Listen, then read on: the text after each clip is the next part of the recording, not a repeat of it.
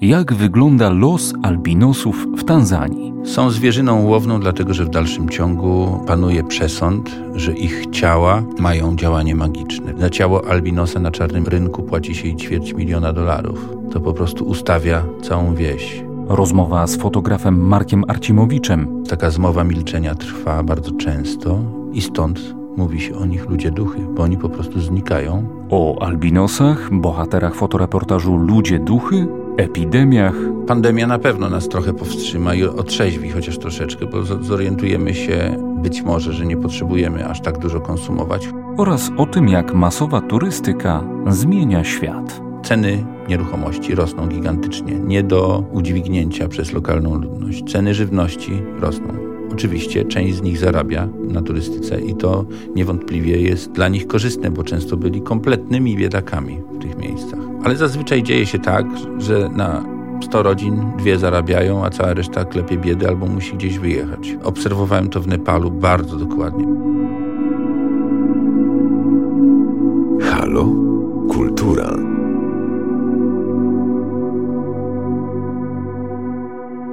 W studiu Radio Lublin Marek Arcimowicz, kłaniam się nisko. Dzień dobry. Jestem ciekaw na samym początku, jak się zdobywa zaufanie osób, na które na co dzień się poluje. Na ogół, jak jeździliśmy z Martyną, bo jeździłem przez ponad 4 lata, na wszystkie projekty, które robiła w tym czasie, to wyjeżdżaliśmy na 5 dni na miejscu. A ten projekt był wyjątkowy, mówię o ludziach duchach. Pojechaliśmy za pierwszym razem na blisko dwa tygodnie do Tanzanii, a potem wróciliśmy jeszcze raz na tydzień te dzieciaki po tych traumach albo w ich trakcie, dlatego że moim zdaniem te traumy były nieleczone w ogóle jakoś psychologicznie i pewnie trwały w tych dzieciach. Te dzieci no, nie zachowywały się tak jak zwykli ludzie, one bardzo często były takie otępiałe. To są przeżycia, których y, my sobie nie jesteśmy w stanie wyobrazić. No bo jak sobie wyobrazić sytuację, w której ktoś puka do drzwi w środku nocy, jest się tylko z matką i z małym rodzeństwem. Nagle matka zostaje popita, e, odciągnięta do drugiego pomieszczenia w małej chacie. E, dziecko zostaje samo z tymi kilkoma bandziorami. Podkłada mu się tylko kawałek drewna i siekierą trzema uderzeniami odcina prawie ramię dwunastolatce. No, to jest... Yy i dla matki, i dla dziecka to już jest niewymazywalne. I to, że udało się doprowadzić do sytuacji, w której Kabula, mm, bohaterka, e, była w stanie zdobyć edukację, bo dzięki robieniu tego materiału Martyna zorganizowała akcję, zdobyła pieniądze na solidną edukację dla tej dziewczynki, widząc jaka jest zdolna, jaka jest ambitna, jaka jest pracowita nie odpuściła i, i, i zdobyła na to fundusze, a potem założyła fundację, która zbiera pieniądze dla, dla y, ofiar y, przemocy związanej z albinizmem, dla dziewczyn, które wychodzą z tego środka i nie mają gdzie żyć. To zaskutkowało czymś dobrym. No, Kabula sobie poradziła i, i wyszła z tego w jakiś sposób. Natomiast no, to są niewyobrażalne traumy zupełnie dla nas, dla zwykłych ludzi jak wygląda życie albinosów w Tanzanii i, i, i, dlaczego tak naprawdę muszą się ukrywać? Są zwierzyną łowną, dlatego że w dalszym ciągu y, panuje przesąd, że ich ciała mają działanie magiczne. W związku z tym fragmenty ich ciał, skóra, głowa, serce, mózg, genitalia są czymś wyjątkowym, nawet palec, i albo się odcina te części ciała albo po prostu ćwiartuje takiego albinosa. Co gorsza, yy, panuje też przesąd, że yy, stosunek seksualny z albinoską może wyleczyć z choroby wenerycznej, z AIDS, czy zapewnić dożywotnią potencję i wigor i płodność. W związku z tym yy, dziewczyny są szczególnie narażone na ataki w kraju, w którym zarabia się kilkanaście, kilkadziesiąt dolarów rocznie, jak się ma pracę, a mało kto ją ma z takich prostych ludzi. Za ciało albinosa na czarnym rynku, płaci się i ćwierć miliona dolarów. Więc to jest y, przebitka nieprawdopodobna. To po prostu ustawia całą wieś. Więc taka zmowa milczenia trwa bardzo często i stąd mówi się o nich ludzie duchy, bo oni po prostu znikają, a w przestrzeni społecznej funkcjonuje przesąd, czy takie samo usprawiedliwienie, że byli duchami i po prostu wyparowali. Jak się ukrywają, jak się organizują, jak to wygląda? Jest ośrodek, w którym żeśmy mm, robili ten materiał, Buchangiedia, gdzie pod okiem żandarmów za bardzo wysokim murem, jak w obozie koncentracyjnym, mieszkają dzieciaki. Głównie z albinizmem, ale też głuchoniemych jest troszeczkę i niewidomych. Wynika to z faktu, że mutacja związana z y, brakiem pigmentu niesie za sobą często też dodatkowe mutacje, a te generują upośledzenia właśnie wzroku na przykład. Żyje im się poza tym krótko, bo pamiętajmy, że jesteśmy w okolicy równika, a brak pigmentu powoduje y, ekspozycję skóry na promieniowanie ultrafioletowe i gigantyczną, o wiele większą podatność na nowotwory skóry. Więc albinosi bardzo rzadko dożywają 30 roku życia. Kiedy rozmawialiśmy wcześniej, to, to mówiłeś, że to jeden z ważniejszych projektów fotograficznych, które wykonałeś razem z Martyną Wojciechowską. E, I podkreślałeś także też to, że, że bardzo ważne było to, co się wydarzyło po tych fotografiach. A więc to, tak. że, że poszła ta pomoc. Pewnie w swojej pracy fotografa bardzo często jesteś po prostu niemym obserwatorem, który nie ma wpływu na rzeczywistość. Czy się mylę? No niestety tak jest. I z jednej strony mam poczucie, że trzeba było sobie wybrać jakiś pożyte, pożyteczniejszy zawód. Mogłem zostać, nie wiem, lekarzem, dentystą, czy nawet architektem, bo akurat takie mam wykształcenie i mógłbym zmieniać nasz świat, projektując na przykład, czy planując całe miasta i, i, i mam takie poczucie utraty wpływu na to i, i, i pozytywnego działania. Natomiast nigdy nie zgodziłem się na wyjazd na zdjęcia wojenne, mimo kilku propozycji, bo wiedziałem, że nie byłbym w stanie tego znieść. Po pierwsze, trzeba to udźwignąć psychicznie, a wielu moich kolegów, którzy jeździli na miejsca konfliktów, płacą za to bardzo wysoką cenę emocjonalną. Nierzadko kończy się tak z Krzysztofem Millerem. I mówi się o, o syndromie stresu bojowego nie tylko dotykającego samych fotografów, ale nawet ich żony i rodziny. Więc y, no to jest bardzo poważna sprawa i myślę, że moje pobyty w górach już wystarczą mojej rodzinie. Ten projekt był dość przełomowy, bo zobaczyłem, że fotografia jednak może wpływać na rzeczywistość i możemy zrobić coś dobrego, a nie tylko y, skłonić ludzi do wyjechania gdzieś w jedno czy drugie miejsce na wakacje czy w podróż, co w tej chwili uważam za jeden z moich grzechów głównych, to, że współudział, mam współudział w promowaniu turystyki masowej. Tą turystykę masową uważam za zbrodnię na naszej planecie, niestety. Natomiast y, to, co się stało z Kabulą, dało mi wiarę, że fotografia jednak wpływa i może wpływać. I, i dlatego te zdjęcia tak ochoczo daję y, Martynie y, na, na użytek Fundacji Unaweza. Y, zachęcam do zajrzenia na stronę i, i, może ktoś z Państwa jest w stanie wesprzeć te projekty, które są naprawdę potrzebne, naprawdę pożyteczne i naprawdę solidnie zrobione. Tam nie ma żartów. To poczucie, które miałem, że chociaż troszeczkę, chociaż w minimalnym stopniu zmieniam świat w nieco bardziej pozytywną stronę, to, no to było bardzo ważne. To odmieniło jakby moje podejście do samego siebie i do zawodu też. Porozmawiajmy teraz trochę o tym podróżowaniu. Świat nie ma granic, mamy mnóstwo możliwości, podróżowanie jest coraz tańsze i mamy niesamowitą masową turystykę. Co o tym wszystkim sądzisz? No, tęsknię za światem, kiedy podróżowanie było trudniejsze. Nie było y, Booking.comu, y, Google Maps, telefonów komórkowych, GPS-ów, y, Airbnb i tak dalej.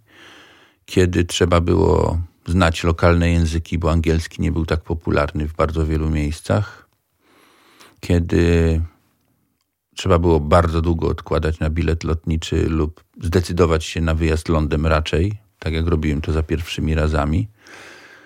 I to odsiewało, bo wydaje mi się, że wtedy nie podróżowały tak bardzo często osoby przypadkowe, tylko osoby, dla których to było całe życie, co kompletnie zmieniało optykę. I jak spotykałeś drugiego człowieka z Europy gdzieś na zadupiu Kazachstanu, to wiedziałeś, że to bratnia dusza i że to człowiek o podobnym spojrzeniu, podobnej wrażliwości. E, a w tej chwili niestety wygląda to tak, że ludzie jadą głównie, takie jest moje zdanie, głównie pchani presją społeczną.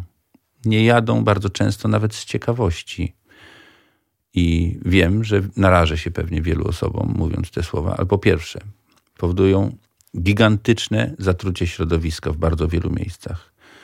Powodują już samym poruszaniem się i lataniem samolotem. To jest jeden z powodów, dlaczego przestałem brać udział w tego typu projektach i przestałem intensywnie latać. Uważam, że to jest bardzo negatywne. To jest pierwsza sprawa. Druga, przyjeżdżając na miejsce, y, wymuszają niejako kompletną zmianę y, sposobu życia mieszkańców. Ceny nieruchomości rosną gigantycznie. Nie do przyjęcia są i nie do udźwignięcia przez lokalną ludność. Ceny żywności rosną. Oczywiście część z nich zarabia przy, na turystyce i to niewątpliwie jest dla nich korzystne, bo często byli kompletnymi biedakami w tych miejscach. Ale zazwyczaj dzieje się tak, że na 100 rodzin dwie zarabiają, a cała reszta klepie biedy albo musi gdzieś wyjechać. E, obserwowałem to w Nepalu bardzo dokładnie, przez, jeżdżąc tam przez kilkadziesiąt lat i przez kilkadziesiąt wizyt. Kolejna rzecz to jest kompletne załamanie środowiska kulturowego. Następuje tak szybka globalizacja, że y, no, zmiany następują w sposób ekspresowy i to nie jest tylko kwestia zmiany diety tych osób, ale nawet się zaczynają zupełnie inaczej ubierać ludzie w Indiach na przykład, czy w Chinach zaczynają wyglądać jak ludzie na zachodzie i to jest postępujące. Moim zdaniem jest to zjawisko nieuchronne, negatywne, z którym musimy się pogodzić, ale niekoniecznie muszę je akceptować czy, czy, czy, czy e, godzić się z nim w sensie nie musi mi się podobać. No i aspekt, o którym zacząłem mówić, to znaczy większość ludzi, uważam, w dzisiejszych czasach podróżuje ze względu na presję social mediów po to, żeby sobie zrobić zdjęcie. Pamiętam sceny chociażby z kompleksu świątynnego w Bangkoku, gdzie na moich oczach było 800 osób i wszystkie te osoby robiły sobie selfie. Wszystkie. Nie patrzyli na zabytki, oni wszyscy robili sobie selfie. Następna rzecz to są na przykład polskie strefy w miejscach. Nie wiem, czy słyszałeś o tym Ludzie jadą na plażę do nie wiem, Turcji, Tunezji i mają polską strefę, gdzie jest polskie jedzenie. W zasadzie poza wyższą temperaturą i, i gwarantowanym słońcem niczym się to nie różni od sytuacji, y, w której by zostali w Polsce. I tak się zastanawiam, po co jeździć, jak się nie ma tej ciekawości świata. To skoro... Patrząc, jaki koszt jest tego, tak. prawda? To skoro nie jest w stanie nas powstrzymać rozsądek, i to, y, że widzimy, że, że no, powinniśmy z tego sami zrezygnować, to może coś nas powstrzyma, tak jak pandemia, którą teraz mamy. Na pewno trochę powstrzyma. I tu się cieszę, mimo że y, druga noga mojej działalności finansowej i rodzinnej stoi w turystyce. Tym bardziej wiem, o czym mówiłem poprzednio, bo widzę to od środka. I jakby nie jestem przeciwnikiem kompletnym turystyki, broń Boże. Po prostu jestem przeciwnikiem turystyki w takim wymiarze i o takim charakterze. Pandemia na pewno nas trochę powstrzyma i otrzeźwi chociaż troszeczkę, bo zorientujemy się być może, że nie potrzebujemy aż tak dużo konsumować, chociaż y, wiesz, wydaje mi się, że jeżeli wyjdziemy z niej zbyt szybko, to efekt będzie dokładnie odwrotny. Ludzie będą chcieli sobie odbić trochę taki found cycle się włączy i jeszcze bardziej będziemy konsumować, bo będzie y, przyzwolenie, a będzie następna epidemia, nie wiadomo co się stanie, wojna, cokolwiek i wtedy najważniejsze, żeby sobie wesoło żyć. Ludzie tak. już przyjęli bardzo często taką strategię, że świat się kończy, więc trzeba się bawić ile wlezie. A moim zdaniem, co pokazuje y, pandemia, ograniczenie konsumpcji, na przykład w Chinach, natychmiast odbiło się na jakości powietrza. My możemy to wszystko zrobić. Tu trzeba po prostu rozsądku, bardziej lokalnej gospodarki, nie tak zglobalizowanej. Rzuciliśmy się na globalizację, myśląc, że to samo dobro, a tam jest dobro, ale nie samo. Trzeba to traktować jak każde inne narzędzie, jak każdą inną możliwość, którą nam daje nauka i rozwój społeczny.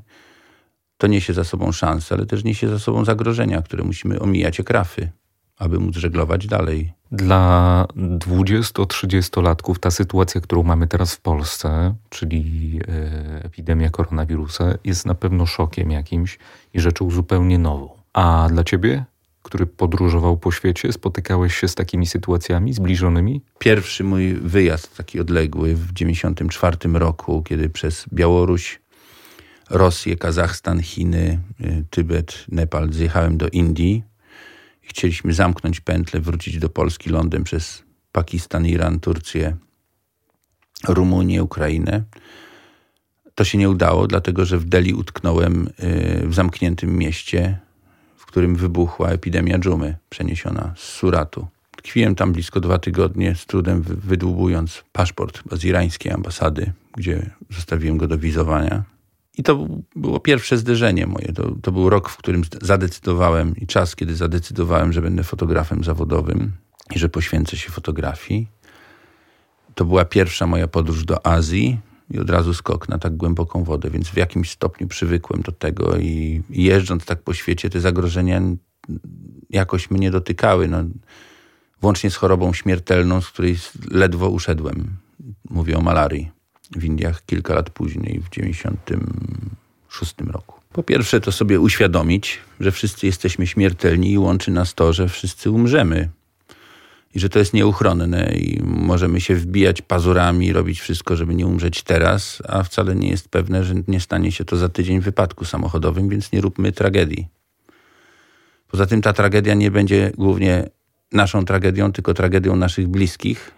Skoncentrujmy się na nich bo jeżeli jesteśmy o, o, za kogoś odpowiedzialni, to trzeba zrobić wszystko, żeby dobrze to życie przeżyć, zabezpieczyć tą drugą osobę, nie panikować, skoncentrować się na tych działaniach pozytywnych, które mogą nas albo uchronić przed zarażeniem, choć uważam, że nie da się te, od tego wirusa uciec. Yy, okres wylęgania jest tak długi, dwutygodniowy, bezobjawowy, że zdążymy zarazić już wszystkich, zanim się dowiemy, że jesteśmy nosicielami. Natomiast na pewno nie panikować, na pewno nie lekceważyć tej sytuacji. W drugą stronę, przygotować się, spokojnie siedzieć i czekać na rozwój sytuacji. No i tyle.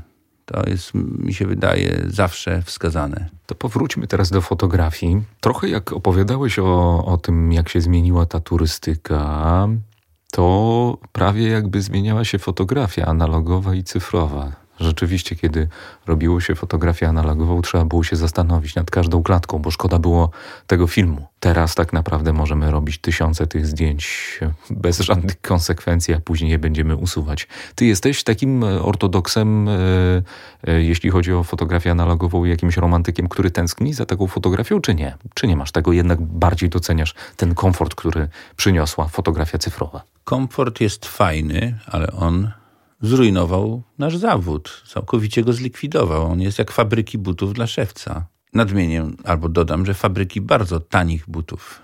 W związku z tym no, nie jestem miłośnikiem fotografii cyfrowej. Robię ją, mam świetne narzędzia, cieszę się nimi. Uważam, że są doskonałe, że to w ogóle jest wyjątkowy czas, kiedy nawet sprzęt amatorski, dostępny praktycznie dla każdego w tej bogatszej części świata, w jakiej jesteśmy, on wykracza poza potrzeby 90% zawodowców. On jest dużo lepszy niż potrzeba w ogóle, więc yy, śmieszą mnie często te dyskusje, czy lepiej mieć aparat 40 czy 50 megapikselowy, kiedy zupełnie wystarczy każdemu 20 i on nigdy nie wykorzysta więcej. Myślę, że 15 nawet by wystarczyło do zdjęć domowych, powiedzmy. Natomiast yy, fotografia analogowa to była zupełnie inna dziedzina twórcza i zawodowa. I tak, tęsknię bardzo. Uważam, że podobnie jak z, yy, z podróżowaniem, tak i z fotografią, wtedy znacznie mniej funkcjonowało osób przypadkowych. Dużo bardziej odczuwamy to, tą, tą zmianę niż yy, w przypadku podróżowania. Yy, I praktycznie to uniemożliwiało obecnie yy, życie po prostu ze zdjęć. Ja żyję dzięki temu, czy zarabiam dzięki temu, że wszedłem w to ćwierć wieku temu, y, że wyrobiłem sobie jakąś markę i żyję dookoła fotografii, plus ze sprzedaży fotografii, y, powiedzmy, artystycznych i kolekcjonerskich z wystaw, ale to jest dookoła. No nie żyję już tak jak kiedyś z, fotogra z fotografii prasowej, i równie trudno w tej chwili funkcjonuje się na rynku fotografii reklamowej, co kiedyś było prawie że banalne. Jeżeli było się dobrym fachowcem, to nie było żadnego problemu. To ja między innymi dlatego z premedytacją zrezygnowałem z zawodu architekta, bo tam musiałbym odbębniać praktyki za jakiś psi grosz. A nie wywodziłem się z bogatej rodziny, więc musiałem od, od początku studiów pracować na siebie potem jakoś się urządzić. Fotografia dawała mi daleko większe szanse. Wielokrotnie. W związku z tym podjąłem taką, a nie inną decyzję. Czy bym zrobił to teraz? Nie sądzę. Wiedząc, jak będzie wyglądała fotografia, między innymi dlatego, że z architektury uciekłem. To był jeden z powodów. W wyniku wtedy nadchodzącej albo wkraczającej takimi zamaszystymi krokami cyfryzacji kiedy architektów odsunięto od desek kreślarskich, a posadzono przed monitorami. I ta cyfryzacja cię i tak dopadła. A ona mnie dopadła tylko dekadę później. W innej dziedzinie. Tak. No i ja kochałem to, to, to rękodzieło, które było w architekturze. To robienie makiet, to yy, rysowanie, malowanie. To było piękne. I do teraz, jeżeli coś projektuję, to wolę to zrobić ołówkiem na kartce papieru na początek. Jeżeli potem koncept jakiś wrzucam jeszcze do, do komputera, bo potrzebuję plany precyzyjne rozrysować, to czasem robię to w, w programach komputerowych.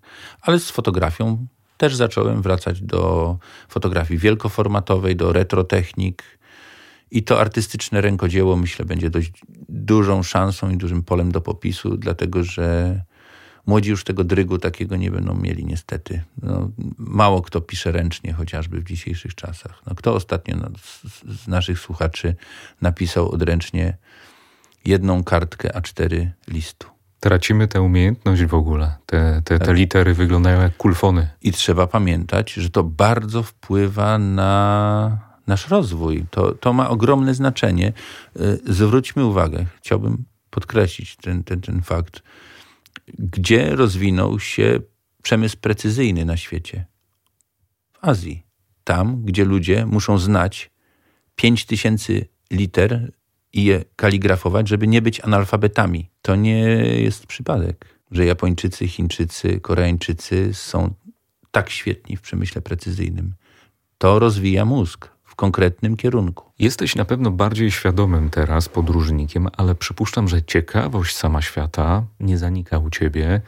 Masz jakieś takie plany podróżnicze i, i zakątki, które mimo tych ograniczeń, które sam sobie nakładasz, chciałbyś zrealizować? Nie wiem, czy sam bym się nazwał podróżnikiem, patrząc na to, jak świat wygląda. No, podróżnikiem to był Vasco da Gama, Kolumb, Arkady Fidler, yy, Czerski. No, no było paru mhm. takich osób, nawet w, wśród Polaków. Natomiast w dzisiejszych czasach, no to kto jest bardziej podróżnikiem? Ja jako fotograf podróżujący trochę, czy pilot Jumbo Jetta, który lata nad Atlantykiem i, i, i jest yy, co chwilę w innym miejscu. Trudne jest do zmierzenia. Tak samo myślę, że w moim życiu przeżyłem dosłownie kilka wypraw. A co zaliczasz do tych wypraw? Wyprawę z Arturem Heizerem, Januszem Majerem i Izą Heiser na Newton Topen, najwyższy szczyt Arktyki. Później wyprawę z Piotrem Pustelnikiem, Piotrem Morawskim i Vlado Sztryba na południową ścianę Anapurny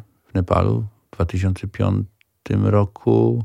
Wcześniej, trzy lata, byłem na wyprawie na Amadablam y, z Ryszardem Pawłowskim i Anną Czerwińską Na pewno wyprawą była podwójna wyprawa do Wenezueli na pogranicze wenezuelsko-gujańskie, gdzie wchodziliśmy na niezdobyty szczyt, nieskartowany nawet, także uzupełnialiśmy mapy.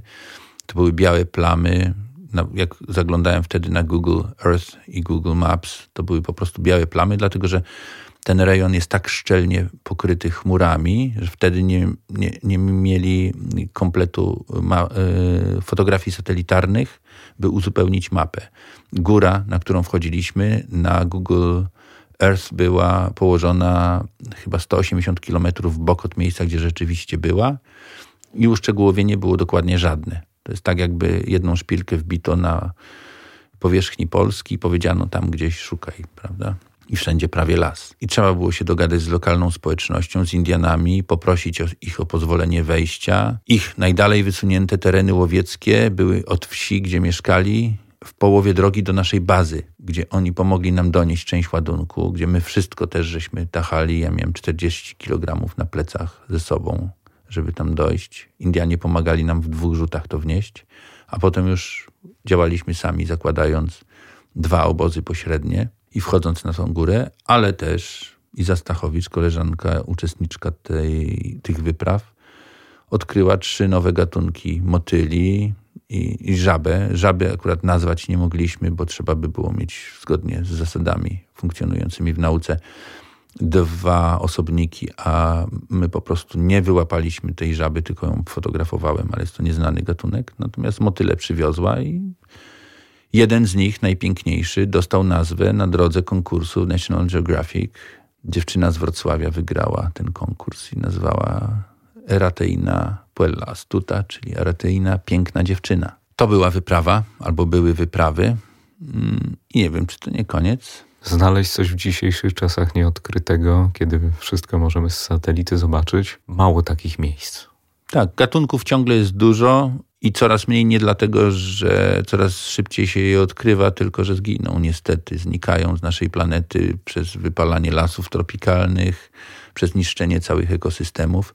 Poza tym samo znalezienie, jak rozmawiałem ostatnio z Izą wspomnianą, to jest jedno, a tak naprawdę wartość jest w opisaniu danego gatunku, w opisaniu jego zależności w ekosystemie y, i, i to, to, są wartości jakby, jego wpływu na, na całe środowisko w tym łańcuchu. A samo znalezienie no jest fajne. Na pewno jest miło powiedzieć, o, odkryliśmy nowy gatunek, ale to z naukowego punktu widzenia wartość tego nie jest aż tak duża, jakby się wydawało. Ale z osobistego ogromna.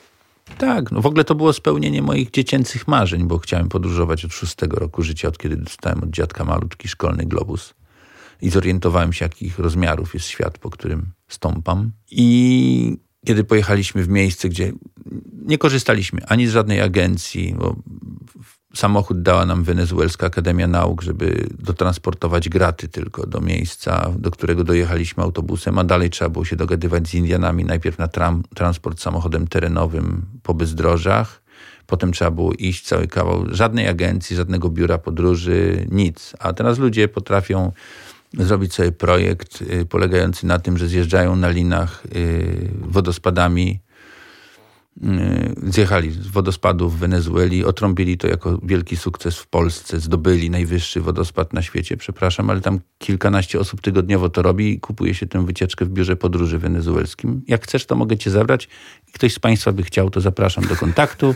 Ostatnio mój 70-letni kolega Eduardo z Wenezueli zrobił sobie taki prezent na urodziny i zjechał. Nikt w życiu się nie wspinał. Zjechał sobie z Salto Angel na linię. Da się to zrobić, naprawdę. Bardzo dziękuję Ci za tę rozmowę.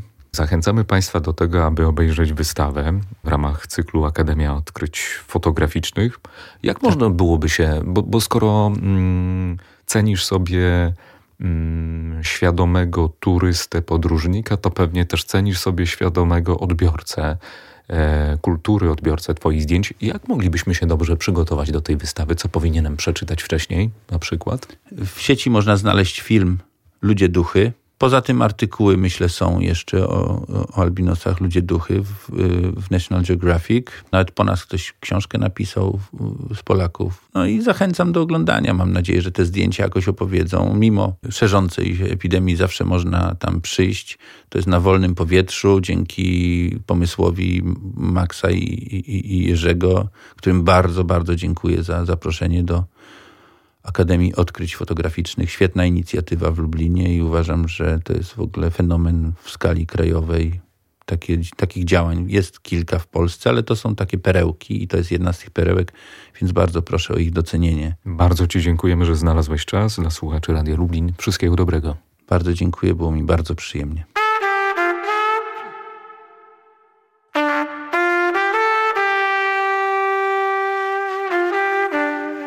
Halo? Kultura.